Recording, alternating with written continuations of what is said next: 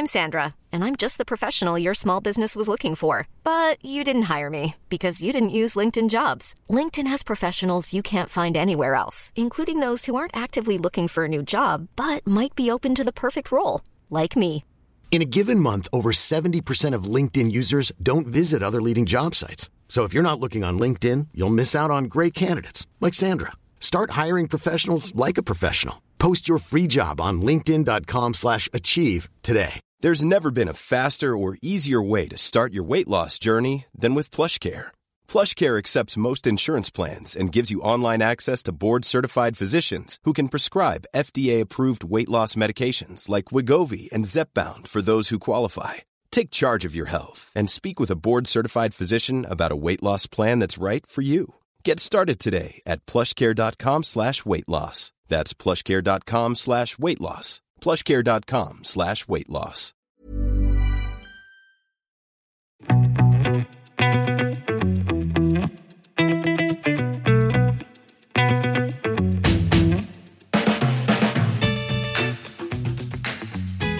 I dag skal vi prate vintersklokker. Og for å få bli fullt opplyst om det, så har vi med oss en av Norges mest eh, prominente klokkesamlere, om man kan si det sånn. Og da er spørsmålene som du kanskje lurer på, kan du kjøpe en gammel Panerai for mindre enn en Volkswagen Golf? Eh, hvorfor må man holde tungen i munnen når man leter etter noe kult, eh, gammelt eh, fra Omega? Eh, alt dette og mer får du høre på i denne episoden av Klokkelandslaget, en podkast fra Finansavisen i samarbeid med tidsson.no. Og denne klokkesamleren som jeg snakker om nå, det er jo ingen ringere enn Roger Sveian.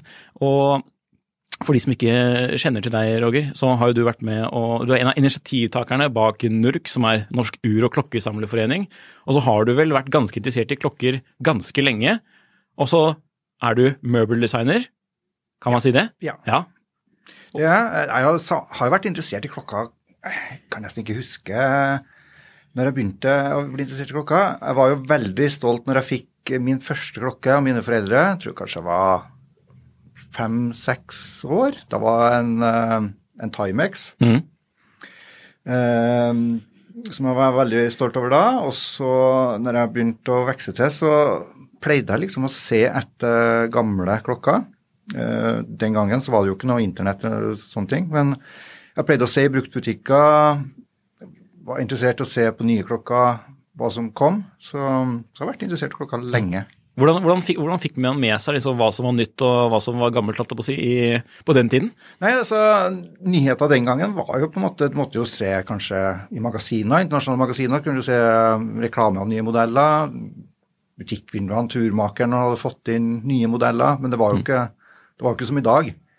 Så man visste liksom ikke helt hva som var helt nytt eller ikke nytt, men, eh, men ja, kunne se kataloger og reklame. Ja, Riktig. Og det er jo da, i det, på den tiden så likte du også veldig eller, nye klokker eh, og sånn, mens nå liksom, og blant de klokkene vi ser du har med deg i dag, så er det liksom, og folk kjenner deg altså, liksom mest fra liksom, vintage-ekspertisen. Ja da. Men jeg tok jo med Det her var den første nye klokka jeg kjøpte. Ja. Um, Hvis du kan gi den til Jon Henrik? som, som da var en klokke som jeg hadde sett i et internasjonalt Jeg tror enten var et bilmagasin eller Ja. i et eh, designblad i tror jeg, 97. Mm. Syns jeg den så utrolig tøff ut. Så det var bilde av Michael Schumacher sammen med klokka. Og så, så begynte jeg Og det var ikke noen butikker, så jeg spurte masse Omega-forhandlere her i Oslo-området. Det var ingen som hadde hørt om den eller sett den. Sånn. Så, så jeg klippet ut bildet, tok med, og så sa om det var mulig å få tak i en klokka. Og så var det mulig da, å få tak i den. Så da kjøpte jeg den som den første nye klokka jeg hadde kjøpt. Jeg hadde jo en del gamle klokker uh, som jeg hadde kjøpt også, som, men uh, det var morsomt. Jeg har den fortsatt, da. Og på dette tidspunktet var du ferdig utdannet eh, Det var faktisk mens jeg studerte. mens du studerte. Og hva studerte du da? Da studerte jeg produktdesign. Produktdesign, ja. Riktig. Og så har du jo siden, eh, sånn litt på siden av klokke det her, da, men så har du jo startet et eget sånt møbelmerke, om man kan si det på den måten. Ja, vi har et produksjonsmerke som heter Mokasser, Ja. som produserer moderne møbler. Og så har du en eh, liten forretning i Jakob Olls gate. Ja. eh, Sørensen Østlingen Møbler. Yes. Og der er jo noen ganger uh, kule klokkemøter. Ja. Går det rykter om. Ja. vi, det pleier vi uh, Når det ikke er korona, så pleier vi å møtes en gang i måneden og mm, ha NURK-møter, da. Mm. En kveld hvor vi snakker, drikker traktekaffe og ser på gamle klokker. Og spiser kjeks. Ja. Så det, det er bra. Ja, herlig. Eh, Jon Henrik, har du mye interesse for vintage, eller? Eh, nei, jeg vil vel si at jeg er mer, mest orientert mot i forhold til litt moderne klokker. Men så er det jo litt sånn rart, da, fordi min klokkeinteresse var jo mm, Begynte jo når jeg var sånn kanskje rundt for alvor når jeg var rundt 15-16-årsalderen. Og kanskje sånn rundt tusenårsskiftet. Klokkene som kom da, klokkene jeg på en måte vokste opp med på den måten, Ja. det har blitt veldig viktig for meg. Så det er jo Det begynner jo nesten, jeg vet ikke hvordan man skal definere vintage og sånn lenger, det er jo sånne evige spørsmål. Men eh, så, så det begynner jo å bli liksom klokker også fra slutten av 90-tallet, tu, eh, tusenårsskiftet, litt ut på tusenår. Det er kanskje Ja. der jeg syns det er mye Men, men startet, det, startet det med Omega for deg også? Faktisk litt. Ja. Og en eh, gammel Omega Simas 30. Litt, eh, ja, ikke så ulik en eh, klokke som du har hatt i en, eh, en Ja, eh, riktig. riktig. annen episode her. Eh, en eh, klokke jeg arvet. Ja. Og det var sånn jeg egentlig fant ut at det var noe som het uh, mekaniske klokker. At det ikke bare alt gikk på batterier, ikke sant. Mm. Så det startet faktisk litt med Omega her også, på den måten. Men det var det den første du Du hadde, du hadde litt, litt klokke Ja, før, ja, og så, så er det denne Speedmasteren altså, som vi ser på Det var jo en del år før, så fant jeg jo den her, som jeg egentlig var veldig fornøyd med. Eh, den fant jeg hos en urmaker. Ja. Eh, de hadde vel egentlig bare stilt den ut for å vise at de hadde noen sånn private gamle klokker. Ja. Så maste jeg masse om jeg, om jeg kunne få kjøpe en. Jeg, jeg kan jo slå på alarmen hvis dere har lyst til å høre. Ja, for dette er en Vulkan Cricket. Du holder den litt opp mot mikrofonen. så- Ja, jeg tror ikke vi trenger det engang. Eh, fordi at Skal vi se her. Og det er jo en, eh, en såkalt eh, Altså den klokke som eh, har vekkerklokkefunksjon som man kan høre på her, eller timer. da. Ja. Minner deg på noe. Så den er jo så den, den, eh, den hadde jeg i årevis, og brukte den faktisk som vekkerklokke. For det er den Ja, så det holdt. For det funker. Ja, det, ja, ja funka det. Funka det. Vekkerklokka, den på nattbordet. Ja, gøy. Og, men jeg vil, jo, jeg vil jo tro at liksom din klokkeinteresse har liksom det, ok, Åpenbart så er det noe med det tekniske her også, men det blender vel med noe sånn, en, fascinasjon for design også? Ja da, jeg, er, jo, jeg er jo glad i, eh, i design, og jeg syns jo på en måte 60-70-tallet så er det jo mye Hva kan en si om det er kanskje dårlig design, eller eh, litt sånn merkelige ting, men jeg syns jo det er ganske morsomt å samle på. Og på den tida så Det ser du jo ikke bare på klokka, men på, på andre ting, møbler, klær, eh, biler, at altså, da tok en jo ting litt mer ut enn i dag. Altså man bare prøvde å bare å være litt sånn far out, Ja. som jeg syns er litt uh, morsomt, da. Har du, har du, prøver du å være litt sånn når du, når du, eh, du har jo f.eks. noen veldig sånn freshe sofaer som du har designet. eh, Har, har, du liksom tatt, har du noen gang tatt inspirasjon fra en klokke inn i noe av det som noe helt annet som du har designet? Nei, ikke sånn direkte, men altså Jeg har jo på en måte prøvd å skille meg ut fra, fra mengden i forhold til formspråket. Mm. Så, så funksjonen på en måte skal jo være det samme som, som man forventer, men på en måte få et formspråk som, som på en måte skiller seg ut. Og da er det jo litt sånn altså Enten liker man det, eller så hater man det. Men jeg tenker man må kanskje prøve å være litt sånn kompromissløs med, med det. Og det, det er det som jeg syns med Hvis du tar f.eks. Pro-profen, som er Jeg syns det er en superkul klokke, Ja. men den er jo veldig lite praktisk. Og det er jo en dykker, en veldig veldig sånn profesjonelt rettet dykkerklokke fra, Ja, fra Omega, som kom på Den kom vel uh, tidlig 70-tall. Ja. Og den er veldig er, Hva skal man kalle den? Chunky? Den er veldig chunky. Ja. Så det Det kom jo en sånn reedition. Uh, ja, det er begynner jo å bli ti år siden, det nå. Mm. Men uh, Men den uh, Kanskje bare skal vise den foran kameraet dere? Den ble jo enda mer chunky, men jeg syns jo det kule med den var jo at den hadde jo et veldig tynt verk. Ja. Um, 1002-verket til Omega. Så de prøvde jo på en måte å lage en tett til 600 meter, men samtidig tynn, da. Mm.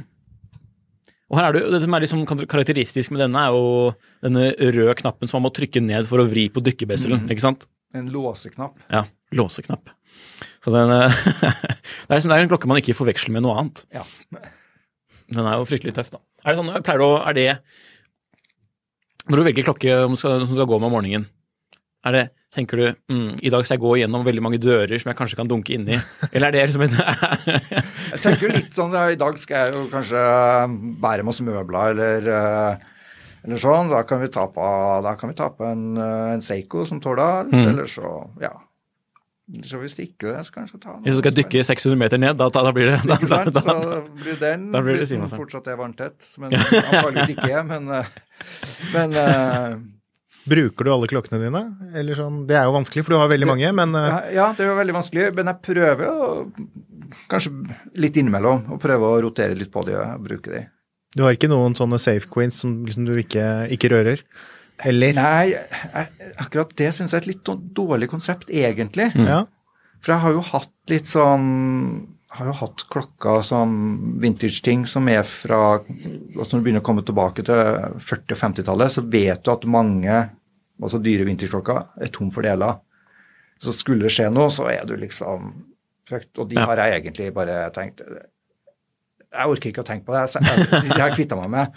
For jeg tenker Skulle du knuse glasset eller en vise miste, så har du liksom mye av verdiene borte. Og tenker nei, det er ikke, da er det ikke gøy. Så jeg tenker det må gå an å bruke de, og så Ja. må du ikke være altfor redd for at uh, Da har du liksom aktivt tatt litt grep da, for å ikke sette deg selv i en sånn situasjon? Ja. det er smart. Men det, er, det, må, jo, det, må jo, det må jo være mange som syns at det er sånn fra utsiden at det er, at, at det er et, et bra konsept, på en måte. Og liksom at uh, Istedenfor at det blir, uh, ja, som, som vi har sagt mange ganger nå, safe queens, da. Som Ja. er litt sånn Som bare sitter der. Ja. Mm. Og må jo være lov å bruke klokken sin, Ja. Og så ble det jo laget for å bli brukt og alt dette Absolutt. litt klisjeene, men uh, ja.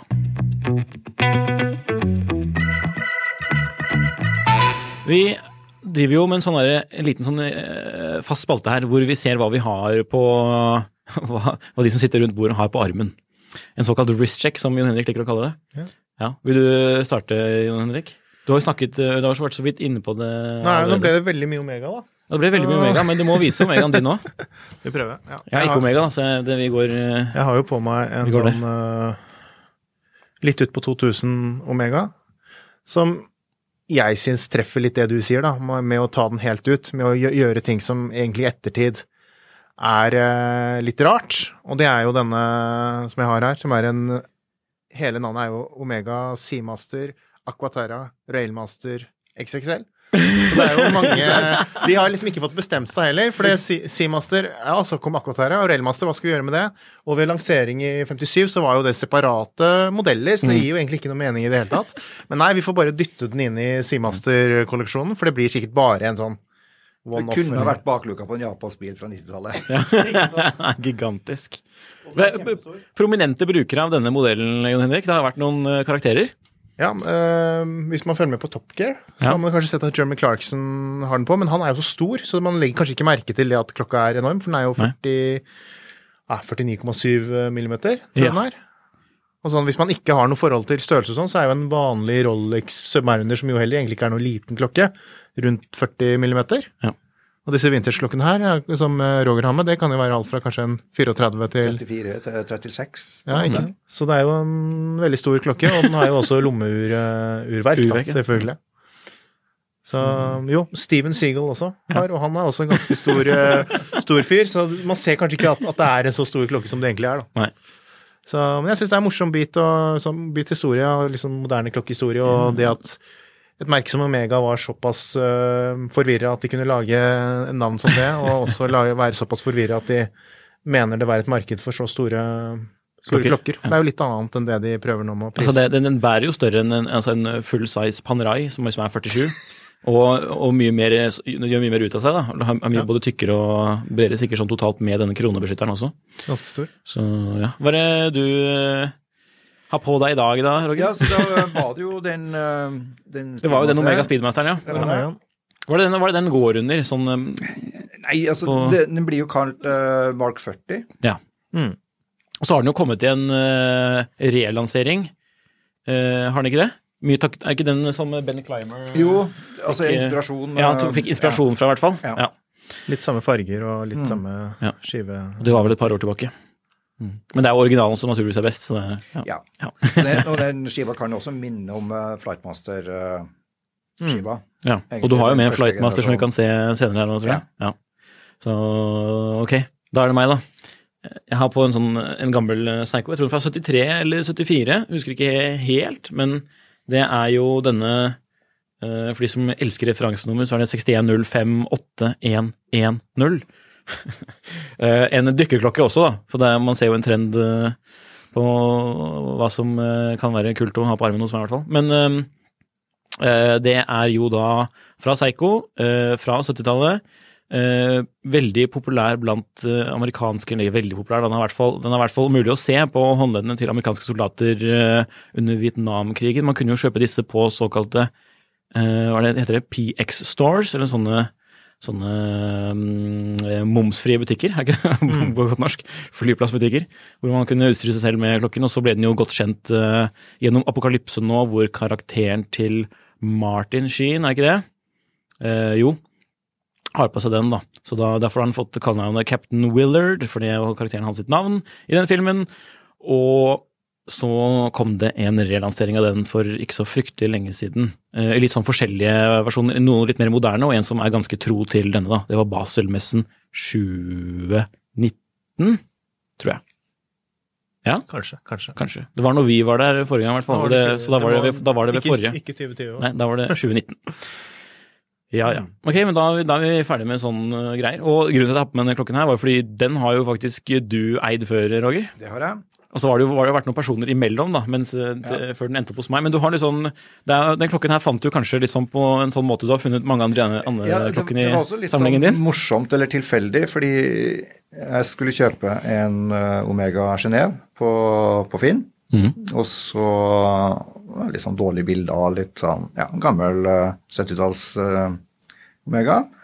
Så jeg ringte på den, men så så jeg jo at han hadde jo noe annet rot på bordet mens han tok bilde av den klokka, og så så jeg Og da, da visste jeg ikke at det var den, fordi at jeg, så, jeg kjente igjen besselen. Og så viste han Men det, det som er forskjellen på den og den som kom etterpå, er at den har 19 mm lugs. Ja. Og den som kom etterpå, har 22 mm lugs. Men jeg så ikke, klarte ikke å se det på bildet, bredda, om det var 19 eller eh, 22. Nei. Men så spurte jeg ja, kan jeg få kjøpt, kjøpe den også. Ja, ja, sa han. Det er bare noe seikoskrot, sa han. Ja, jeg tar den også. og da når jeg åpna pakken, eh, så så jeg jo at det var 19 mm løgg, så da var det jo en eh, mer attraktiv klokke da, enn En, en, en, eh, uh, etterkommende modell. bra deal. Ja, Men så, så den endte opp med kanskje som et bedre kjøp enn den uh, Omegaen? ja kanskje. Hvordan er det, ja. kan jeg bare spørre om det, hvordan er det med å kjøpe, kjøpe klokker? Jeg tenker vi, Før så var det jo kanskje litt, eh, litt enklere, kanskje, på en måte. Med, med Ja, Finn er jo et bra sted sånn på nettet, men, eh, men i forhold til det at folk var kanskje ikke så bevisste på det med eh, klokkesamling, at det var en litt mer nisje. Føler du at det har endret seg noe der? Ja, det har jo endra seg mye. fordi For det første så var det jo før man fikk, uh, fikk alt lagt ut på internett, så, så visste man jo på en måte ikke Altså, det var jo, og det er det jo fortsatt, ethver bolig i Norge så er det stort sett liggende en klokke eller to som er kjempegammel, som ingen vet hva er. Eller, og sånn var det jo litt sånn før. altså Folk rydda, de fant noe, men ja, man tok kanskje utgangspunktet var en klokke kosta ny, eller ja. Det var på en måte ikke noe marked man kunne sammenligne. Nå kan man jo gå liksom veldig spesifikk og se siste auksjon, hva en klokkemodell har gått for, eller, eller på krone 24 og se, men Ja. man måtte liksom bare ta et tall før da, og anta at noe var verdt noe sånt. Så det, det har jo endra seg veldig. Ja. Og da, da har du liksom, Hvis du startet å samle på 90-tallet, så har du liksom fått vært med på en eh, sånn, eh, hva skal man si, en, en, eh, en, Ja, det har vært en reise. en reise. ja. Det har det jo.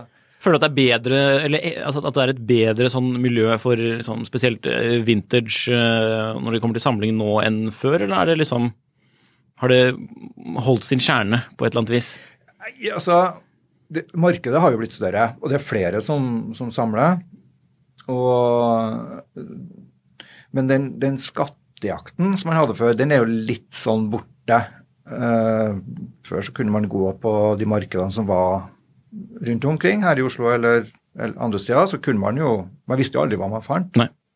Kunne finne hva som helst, og mesteparten var jo selvfølgelig ikke noe du hadde lyst på. Men, men innimellom så kunne du ha flaks og finne Nå er vel sjansen for det mindre, tror jeg.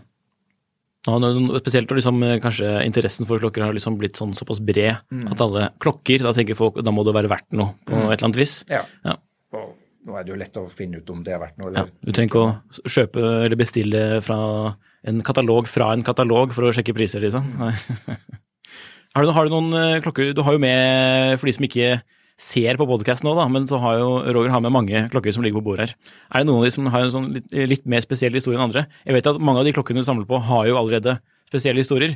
Så nei, er det noen uh, du tenker kan være spennende å Ja, altså, Prate tok her? jeg jo med et litt sånn uh, ymse utvalg her. Og det Ja. er jo Vi kan jo snakke om 40-tallet, vi kan snakke om 90-tallet. Det er litt sånn eh, Du har jo en stor, eh, en mer sånn lommeuraktig opplegg her, for Ja. eksempel. Som er veldig stort og, stort og finurlig. Jeg har med to. eh, eh, som, men det, men, her Vi kan ta bilde av det her. fordi det her er jo en, eh, en stoppeklokke. Og det kjøpte jeg egentlig eh, fra noen arvinger. Mm. Som de hadde arva etter onkelen sin. Og historien var jo, som du sa, at det var jo en kjempestor eh, interesse og hobby i Norge å følge skøyteløp. Og før det elektroniske tidtagninga var, så pleide jo mange å ta, ta rundetidene selv. Og, og følge med da, på å skrive ned rundetida. Stå på, på skøytearenaen. Og, og da kunne man jo kjøpe selvfølgelig forskjellig kvalitet på, på stoppurene. Men det her er jo kanskje noe av topp stoppur med Ja. mellomtid. Og det er jo helt eh, For man ser på baksiden her, for den har jo sånn lokk man kan åpne opp og se Ja, på urverket her, så er det jo helt eh, Det er både stort og, og hva skal jeg si Det er mye dybde der. så er det en sånn liten by som arbeider på baksiden av urskiven. Hva slags merke var det her? Det var Longin. Longin ja. Så den tar eh, ned til tiendeler og tar mellomtid. Og når man ser på en måte den der finishen som er lagt ned i det der, og presisjonen, så man kan bare tenke seg hva, det hadde kosta i dag. Altså, det hadde vært hinsides. Men den kosta vel kanskje godt over dobbelt så mye som et godt armhåndshjul, da. Så han som hadde den, han var, var ivrig på å følge med på skøytetida. Altså. Han sto på Valle Hovin og, på, utenfor Frognerparken og Helt sikkert. Tok mye tid. Bislett var sikkert på alle store skøyteløp den tida. Han må, Det må vel ha vært en litt sånn en, eh, ja, en litt sånn storkar eller storkvinne også. Ja. Ja. Ja. Eh, og var jo et litt sånn, var det ikke det litt sånn større merke i Norge før i tiden? Jo da. Det, Eller generelt? Det, ja, det hadde solgt mye Longines i Norge. Mm. Og det hadde jo, har jo laget mye bra og fine ting, altså. Det er en av de første sånn sveitsiske merkene, tror jeg, som kom eller fikk god distribusjon i, i Norge også. Men Men, jeg, men jeg, også tok jeg med, bare for morsomhet, eh, jeg tok med den russiske varianten. Ja. Eh, som også er for så vidt litt påkasta til å være en russer. Det som er litt morsomt med den, er jo at eh, Apollo-programmet, de brukte jo Speedmasteren. ja. Eh, russerne, og det har jeg sett bilder av, finner på nettet, de tok og laga en krok oppi romfartøyet. Tok det en sånn en og hengte den der. Hengte klokka på kroken, Ja. rett og slett. Ja. Rett og slett. Så enkelt var det. Så, Så var det, så var ingen av astronautene der som var utstyrt på, på det tidspunktet var utstyrt med egne armbåndsur? eh, Jeg tror ikke russ- russerne var så opptatt av det, men de måtte jo ha stoppeklokke dem også for å time ting. Ja. De bare tok med en eh, sånn, og den tar også mellomtid og tiendeler. Mm. Men ikke så fint verk da som den uh, Longines. Så det er, det er forskjell på folk, ja. ja. Men sånn lommeur, lommeur og sånn, det har ikke jeg så fryktelig peiling på, men jeg har jo inntrykk av det at det er fortsatt et, uh, en hobby som det er veldig mye enklere å få veldig flotte ting til en ok penge enn armbåndsur. For hvis du ser på noe sånn som den uh, Longines der, da, hvis du skulle hatt noe, hatt en uh, splitsekundkronograf eh, fra et stort sveitsisk merke mm, Eller, I, i eller tysk merke. Ja, ikke sant? I, i armbåndsur så er, snakker vi jo veldig høye Veldig, Summer? Veldig store summer. Så sånn sett så, så kan man jo finne ja, eh, lommeur og soppur eh, fortsatt til en veldig hyggelig penge, til kjempekvalitet. Men, Riktig. men føler du det er, eh, er noe endring i det, sånn i forhold til interessen for? Har den, eh, eller har den vært ganske konstant? Jeg jeg har bare sett noe på auksjoner. Nå er ikke jeg så veldig opptatt på, på lommeur, for jeg tenker det er liksom bruksverdien er litt utafor min gate. Men, men jeg ser på, på auksjonene, så har jo de begynt å gå ganske bra, faktisk. Litt, mm. Hvis det er spesielle ting. Mm. Spesielt litt sånn, litt sånn art deco-design eh, på urkasten og skiver, sånn sektorskiver, også fra Longines f.eks. eksempel. Ja. Jeg har sett de gjør det ganske eh, ok Ja. for hva det Og så er. hvis du har komplikasjoner i tillegg, da, så Ikke sant. Mm. Så det, det er uh, fiffig. Det er liksom, Vi har jo allerede nevnt Omega, og nå skal jeg nevne Omega igjen. Men, uh, og du nevnte det også i stad. Men Omega Speedmaster det er jo en sånn ting som mange sikkert uh, forknytter med deg, tenker jeg. Ja, jeg har jo som sagt eh, Den vi så i sted, det var jo da min første eh, speedmaster. Ja. Og så er jo den her min første professional. Som Dette er, jo, dette er jo måneklokken. Måneklokken. Eh, Den kjøpte jeg på en bruktbutikk i Trondheim i 98. Um, til den fine sum får jeg fortsatt kvitteringer. Eh, den fine summen av 3500. Ikke sant. Og da visste jeg jo ikke så mye om uh, den klokka. Nei. Jeg visste jo at Omega hadde Professional, mm. som er kjempebra klokke. Jeg visste jo også at den hadde vært på månen. Men eh, i 98 så var det jo ikke så mye info. eh, det var nesten ikke internett engang. Nei. Så det var liksom ikke så mye info om de forskjellige modellene. Eh, Så jeg fant jo ut etter hvert da at den der er fra 66, med en såkalt eh, CB-kasse. Så den er jo akkurat den samme klokka som var på månen, Rett og slett. rett og slett. Kanskje noen hundre eller serienummer unna. Ja. Så det er jo, det er jo morsomt. Det er veldig Det er jo vilt. Ja. Og det er jo en klokke som er eh, hva kan man si, det er mildt sagt eh, ettertraktet nå. Det er liksom en av de der hjørnesteinene hva er det som kommer til eh, samling, eh, Mm. kan man si. Ja. Og så er det jo for den, altså, og så er det jo bare rett og slett en veldig attraktiv klokke. Veldig bra historie. Den, den, liksom, den, den krysser av på alt. Ja, Det er, det er et eller annet med Speedmaster, altså. Mm. Og så er jo, men Speedmaster har liksom kommet, den har vært i mange, den har figurert i mange forskjellige former. Og du har jo noen av de her. Ja da. Så det, det er jo det er jo, Jeg har jo Mark 2, Ja, som var den som som egentlig da var på en måte en modernisert versjon av den.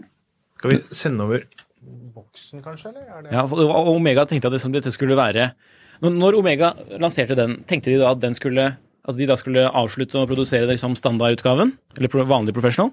Det er litt sånn vanskelig å vite, Mm. men de tenkte vel sikkert at uh, det her skulle være litt mer tidsriktig design, da. Ja. Kom i 68.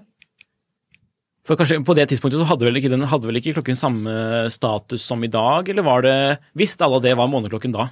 Jeg tror ikke det. Jeg tror ikke Omega var kanskje så opptatt av det som vi er i dag. Eh, men de har, brukt, de har jo brukt det til marketing. Men, men den heter jo Speedmaster, så det er jo egentlig en klokke for eh, bilkjøring. Ja. Og ta, ta rundetider på. Mm. En konkurrent til liksom Rolex Daytona, for eksempel? Um, men det er jo altså, Mark 2 syns jeg jo for så vidt er en fin uh, type 70-tallsklokke. Uh, det her er jo Mark 3, som var Omegas første automatikk-kronograf.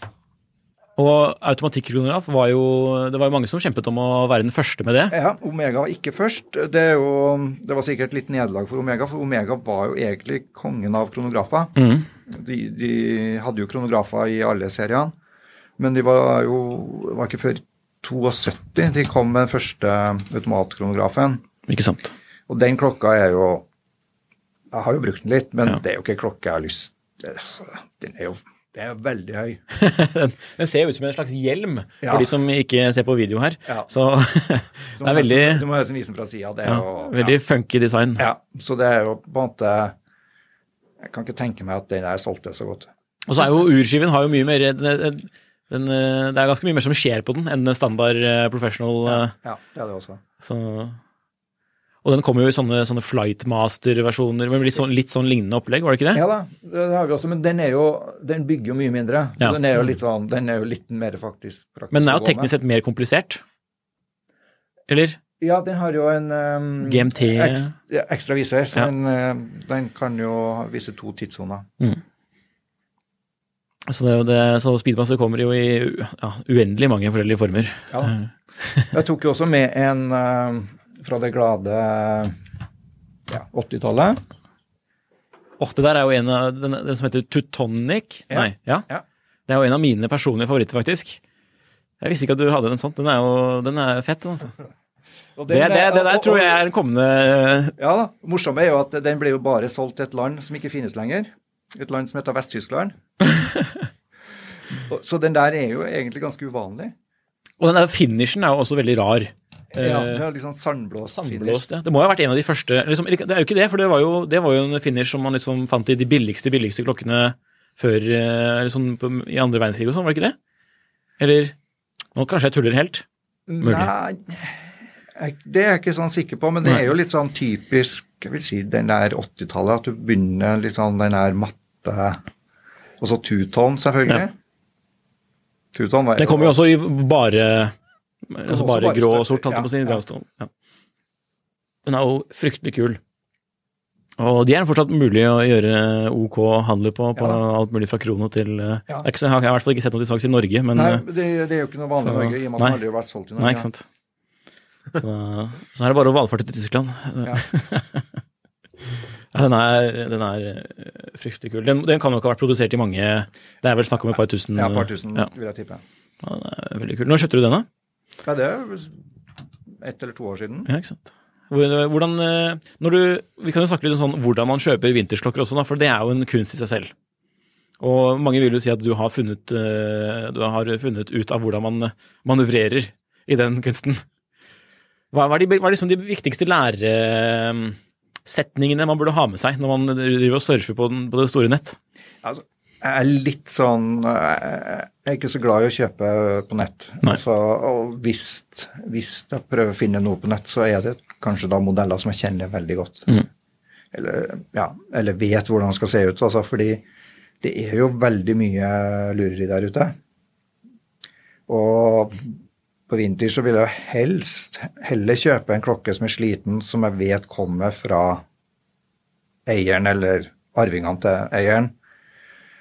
Men eh, ja, det er et minefelt. altså Det har blitt det også. Også litt grunn av at det er mye penger i ting. Og det er mye nyproduserte deler som blir satt inn i klokka og ja, bygd om. Og ja, det er mye man må være litt obs på, altså. Men er det derfor du også er, kanskje for, at, du har søkt deg litt på litt sånn glemte helter, da, om man kan sette det i anførselstegn?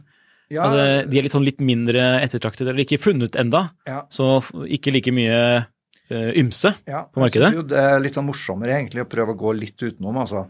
Og finne flere Selv om du også har litt Rolex. Jeg har noen. Jeg har noen. Det er lenge siden jeg kjøpte de. I forrige episode så hadde vi jo, da, var vi, da dedikerte vi jo episoden til uh, Rolex. Og da, men uh, det er jo en helt, det er liksom uh, um, Jeg føler at søken eh, eh, og kjøpsprosessen er litt sånn annerledes på de eh, enn når man skal liksom lete etter noe litt sånn finurlig og fiffig, da. Føler jeg. Ja, altså der er jo i hvert fall, og, og det bør man jo tenke litt på også, at uh, kanskje da, i hvert fall hvis den er sånn halvny, at det er, er med papirer og Ja. at den, ja, den kan dokumentere hvor, hvor den er kjøpt. Og så er det en klokke fra 50-tallet, så er det jo det, eller 70-tallet, så er jo det selvfølgelig litt søkt å forvente. Ja. Da skal man nesten tenke, altså finner du en klokke fra 50-tallet som er veldig sliten, og det er med boksepapirer, så bør man nesten bli skeptisk da. Ja. For, for en del av det kan man jo bare skaffe i ettertid. eh, Så Ja, for det, det, er, det er jo, jeg ser jo det er jo mye forfalskning på, på sertifikater og papirer også. ja. Og det er jo dumt. Ja. Men eh, hvis du ikke handler så mye på nett, da, da er det Nei, altså, det, jeg kjenner jo masse andre samlere, Mm. og det er alltid hyggelig å møte andre samlere. Og da kan man jo kanskje gjøre noe byttehandler eller gjøre noe dilla. Ja. Så er det jo selvfølgelig eh, også handlere som selger brukte klokker, som eh, man kan være heldig å finne ting i. Så hva syns du om eh, når du, du har jo en eh, variert samling, og så kan det hende at f.eks. du har jo en tidlig sånn glysin her, eller sånn air eh, Ja, eh, Hva var det den heter igjen? Eh, det er vel en Airman, er ikke det? Airman, ja. Rikarden. Ja da, Airman, og den er jo eh, en av de tidligere med drivbar Bessel. Dette er også en sånn derre eh, Og to, viser to tidssoner. Altså, og de Skal du filme den nå? Ja. Det er også en litt sånn soldatklokke. Ja, eller pilotklokke. Eller pilotklokke. Ja. Og det er jo Altså, de var jo veldig tidlig ute med den der virbare Besselen. Mm Eh, Et annet sveitsisk merke som kom med en modell som heter GMT Master, kom jo liksom det år etterpå med tilsvarende konseptet. Men eh, den var jo av de første med den løsninga. Riktig. Den er fiffig. Og så, den har jo, eh, I senere tid så har det kommet en veldig, så har jo Glycinen kommet med modeller, eller fortsatt den, for så vidt den modellen der. Hva syns du om liksom de, den reissue-trenden, hvor merker eh, eh, hva skal vi si, kopierer da, eh, gamle klokkene sine? Ja, det er litt sånn, det syns jeg er litt sånn både òg, altså. For jeg, jeg har faktisk eh, både en Omega Reedition, First in Space, og har jo også Carrera. Ja. Men det morsomme med Carrera er jo at nå har du kommet med Redition av Redition. Ja, fra Heuer, altså. Ja, ikke sant? Og da tenker jeg Og det er jo det er jo også i å se. Altså, nå begynner å lure på hva slags møter de har på designavdelinga på de fabrikkene. når de på en måte, ja, men Kanskje vi skal lage en reedition av reedition? Altså, har du da ikke noe mer å komme med? Men det, det, virker, det virker jo som markedet sluker det likevel. Ja. Så det er jo en morsom dynamikk det der, egentlig. ja.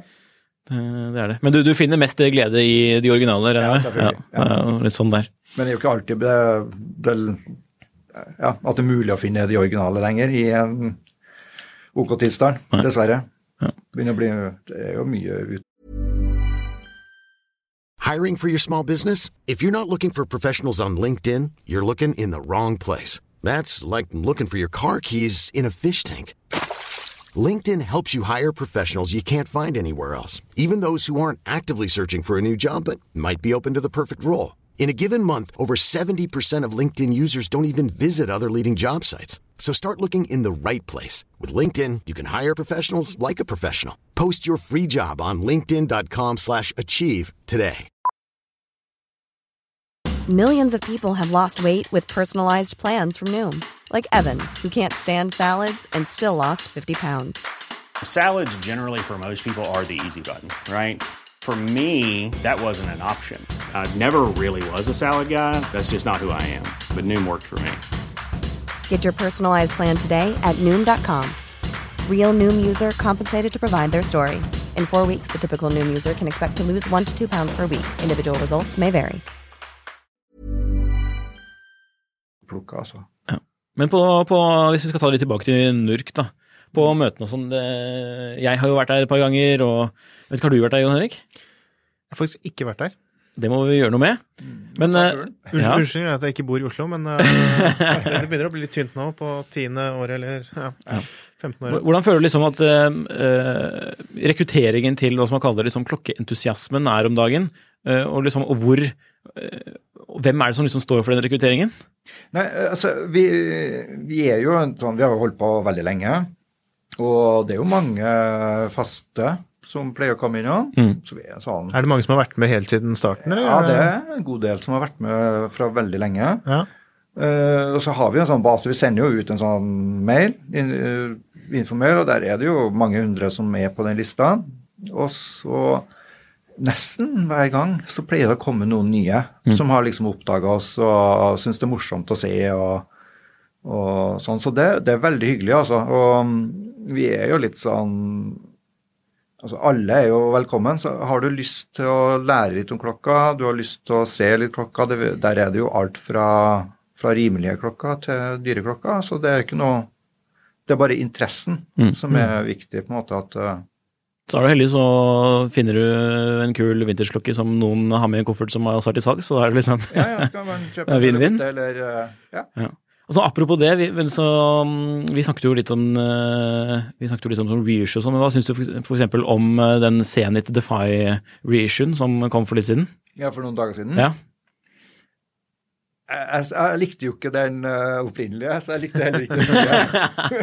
jeg, hadde, jeg, hadde, jeg følte det sånn at Vi snakket jo litt om det her i forrige episode også, for da tok vi Vi har en sånn eh, spalte som vi skal gå inn i nå, som vi kaller som markedsrapport. Ja. Hvor vi snakker om klokker som har eh, fanget øyet vårt, eller som har fanget oppmerksomheten vår i det siste. Om det er liksom noen trender vi har sett i Ja. markedet. Og, og da var jo eh, den en av de som eh, jeg trakk fram. Men jeg synes det var litt morsomt. Det som var morsomt med den, var at den er jo helt lik den gamle. Og jeg syns ikke den gamle var noe pen heller.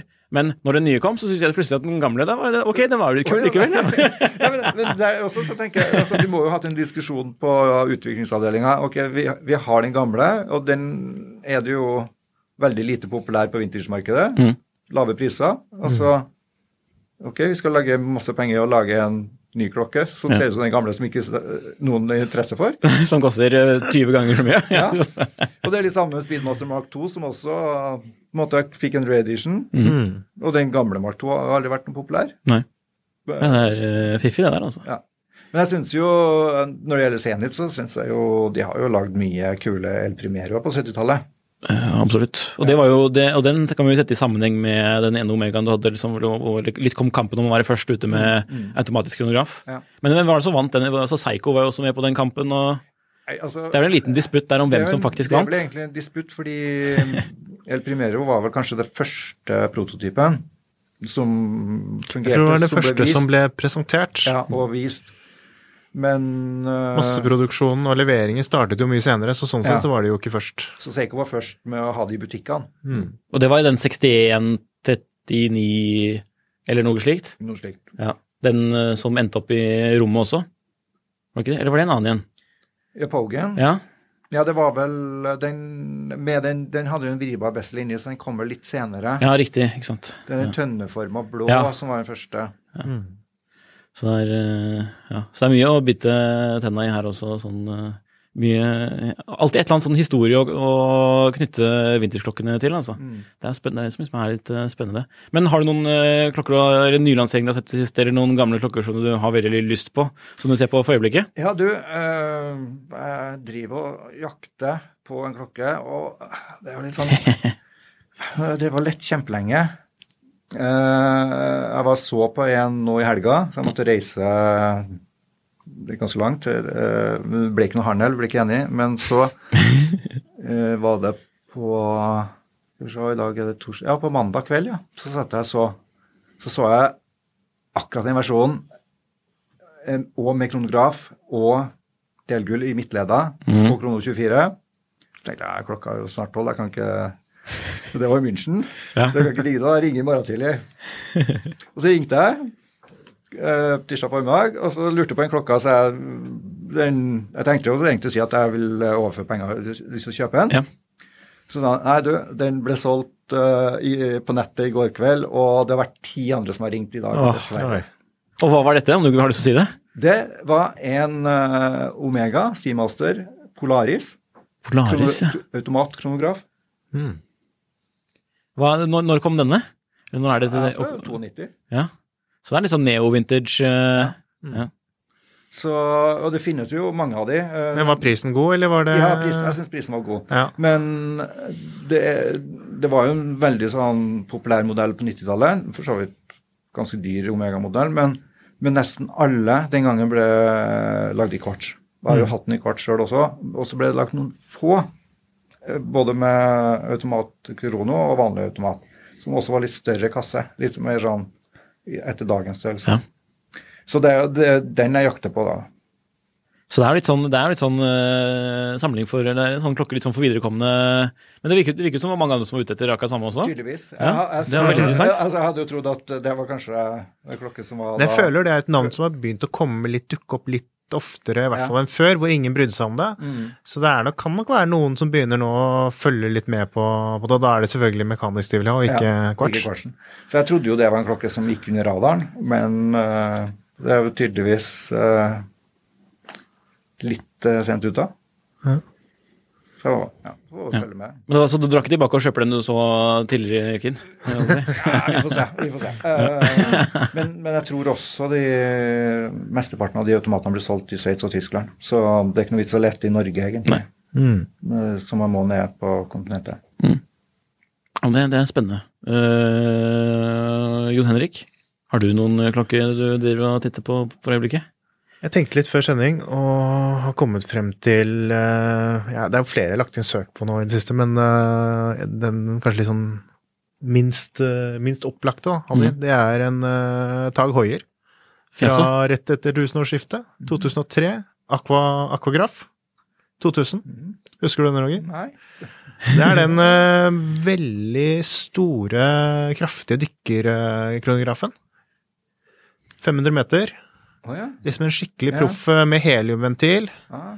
Um, jeg skrev ned hvor mye den veide, for det er litt sånn 225 gram, så det er skikkelig, skikkelig beist, ja. skikkelig beist. ja. Eh, og Tag Hoier på den tiden de pushet jo litt en sånn historie om at denne her er approved by Navy Seals.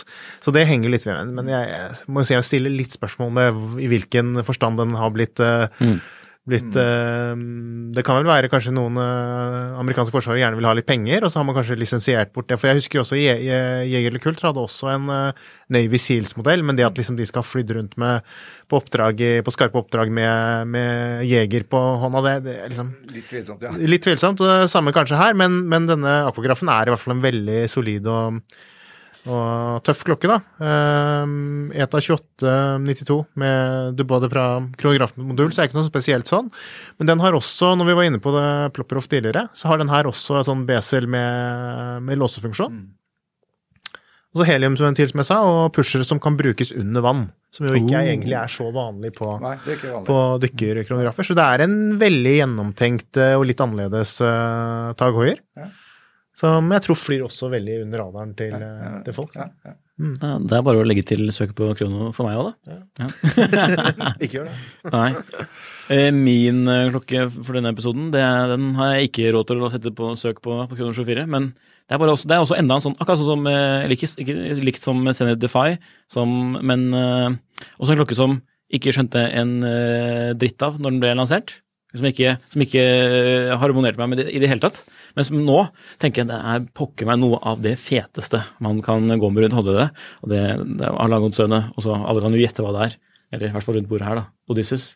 Den, kom jo, for- den har jo vært på markedet et par år, og den fikk jo å, eh, absolutt mest negativ eh, tilbakemelding, vil jeg tro. Om, vi kan vel være enige om det. I hvert fall i kommentarfeltene. I hvert fall de som så den på bilder. Ja. Men du var jo heldig og så den eh, jeg så den IRL. live, så jeg, jeg så den jo først uh, live, tror jeg. Mhm.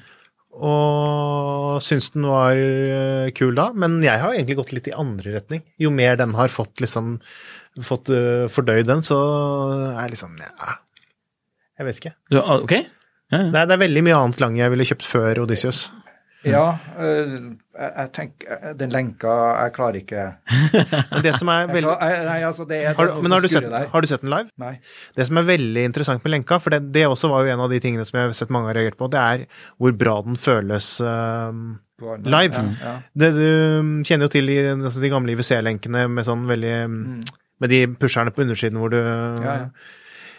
Som virker veldig solid og, og velkonstruert. da. Det er liksom den følelsen at det er noe som er veldig Og den, den har noe av det samme systemet. Mm. Og låsen er eksepsjonelt bra, med mikrojustering og en sånn integrert knapp i. Så, så liksom det, det Den føles veldig bra. Men det er nettopp det der designet som jeg ikke helt klarer det estetiske. Det er det jeg har gått litt tilbake på. Da, at jeg, jeg ble nok litt revet med når jeg hadde den der. Det er, det er jo for det er jo god kvalitet, det er et bra produkt, men, men sånn designmessig så Det tror jeg er interessant. det er interessant. Eh, Jeg kan jo ikke si at jeg har uh, hatt så mye med det å gjøre eh, live. Nei. Men liker du designet, så tror jeg ikke du blir skuffet når du Jeg får, likte når du får ikke designet, nå liker jeg Ja, designet. Ja. Så det er, det er jo finurlig, det der. Uh, Bare ja. sette seg på liste. ja. Kanskje jeg er rå når, når, om ti år, når det er villig eventuelt fått den levert. Jeg vet ikke hva ventelisten på sånn, men det er vel ikke ja, Venteliste er jo et kjedelig tema for øvrig. Ja. Det er bedre å kjøpe vinter, så eh, og heller sitte og følge med i de sene nattetimer med en pils eh, eller lignende og kjøpe fra Vest-Tyskland. Så det er good. Du, var litt, sånn- du, du nevnte jo Navy Seals, eh, Henrik. og du har jo har du noen militærklokker, du? eh? Ja, du, jeg har jo med Roger? to, to militærklokker. Ja. Uh, den ene er jo da eh, Den står det KM på. Enda et sånt uh, kjøp du fant i bakgrunnen på et uh, annet kjøp, eller? Ja, eller eh, eh, Og den Det tok faktisk litt tid, for at det var en på et sånt NURK-møte som fortalte meg hva det egentlig var. For det, den, Skal vi ta den andre her òg, kanskje? Vi kan ta den andre også. Ja, så blir det to klokker samtidig her. Den ene er jo, har jo mer norsk tilknytning enn den andre. Ja. Men den andre har da sikkert da stranda i Norge. Den hvite som da KM står da for uh, krigsmarine. Ja, og det er den du merket med på urskiven. Ja, så da er det jo Den har nok da vært på, på noen av de tyske marinen uh, på 40-tallet. Så ja, man kan jo bare tenke seg hvordan den havna i Norge. Ja. Eh, den andre er jo egentlig Den Omegaen er jo egentlig en prototype, eller en, eh, en modell som eh, har samme reffen som den engelske, men den ble visstnok da eh, bare levert til Norge, norske forsvaret for, eh, for vurdering. Mm. Den har andre visere og litt annen tallskive, selvfølgelig, for den har jo ikke da det engelske symbolet på tallskiva. Nei, Som er en sånn pil som peker oppover. Ja. Så den Men det, det ble vel ikke noe av at det norske forsvaret gikk for den modellen, da. Nei. Hva, hva, gikk de for istedenfor, for de som hører på? Du, det vet jeg ikke. Altså, Pilotene hadde jo hoier. Ja. Men det der var jo ikke for eh, piloter, det var vel for eh, ja, menige eller ja. Så jeg vet ikke om de fikk noen klokke, eller om det ble eh, noe Det hadde vært en dyr klokke for menige å ha, i hvert fall. Ja, Ja. kanskje. Kanskje ikke. Kanskje Hvis du ikke. kjøper, hvis du kjøper 10 000, Ja, ikke sant. så er det ikke sikkert eh, Det svenske kystartilleriet hadde jo forresten denne Seikon som jeg har på i dag, Ja. 6105-en. Så de utstyrte jo mener i hvert fall, i hvert fall noen da, av disse, disse batteriene med disse. Ja. Det er også litt sånn morsomt. Uh, ja. Men uh, vet, du, vet vi hvorfor de ikke valgte den Omegaen, eller? Er det, den er jo så vakker og fin, men Ja, det er en kjempefin klokke, men det, det vet jeg ikke. altså. Eh, Og det er ikke sikkert vi, at det var viktig at alle soldatene hadde klokke, eller? Nei. Men har en sånn morsom dobbel kasse, urkasse. Ja, det er dobbel eh, Altså for eh, antimagnetisk Ja. eh, kasse. Så man kunne jobbe på rare og hjem, hemmelige radiorom og alt mulig uten å Klokka stoppa. Klokka stoppa. ja, det er jo veldig kult. Har du en sånn, er det en siste morsom historie du har på bordet her, eller?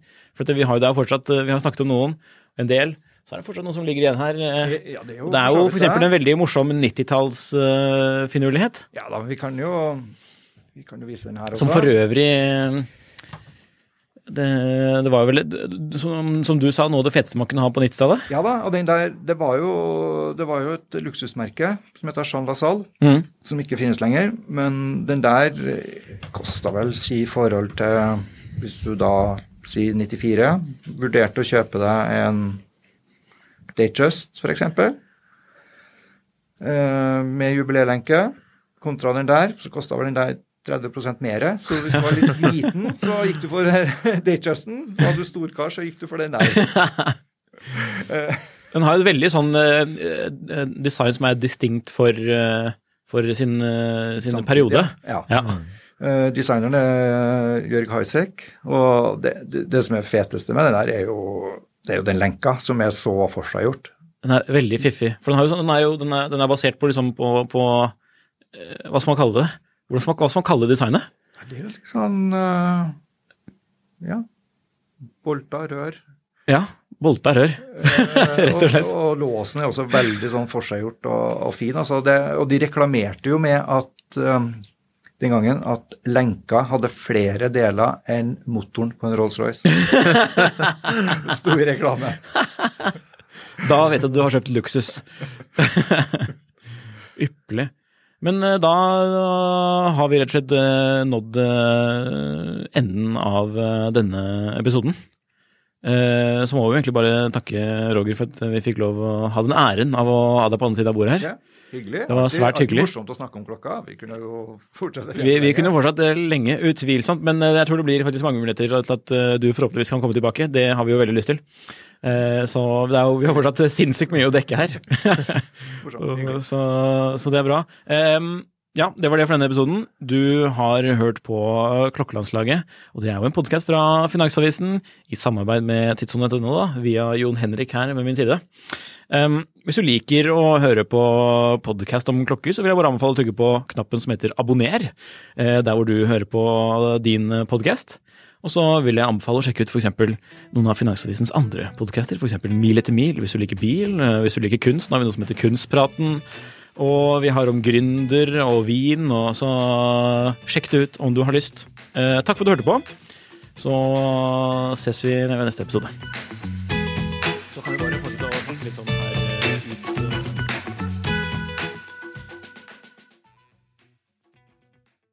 Klokkelandslaget er en Finansavisen-podkast i samarbeid med Tidso. Programleder er Nicolai Giel og Jon Henrik Haraldsen. Produsent er Lars Brenden Skram. Podkast- og videoansvarlig er Marius Mørk Larsen. Og ansvarlig redaktør er Trygve Hegnar.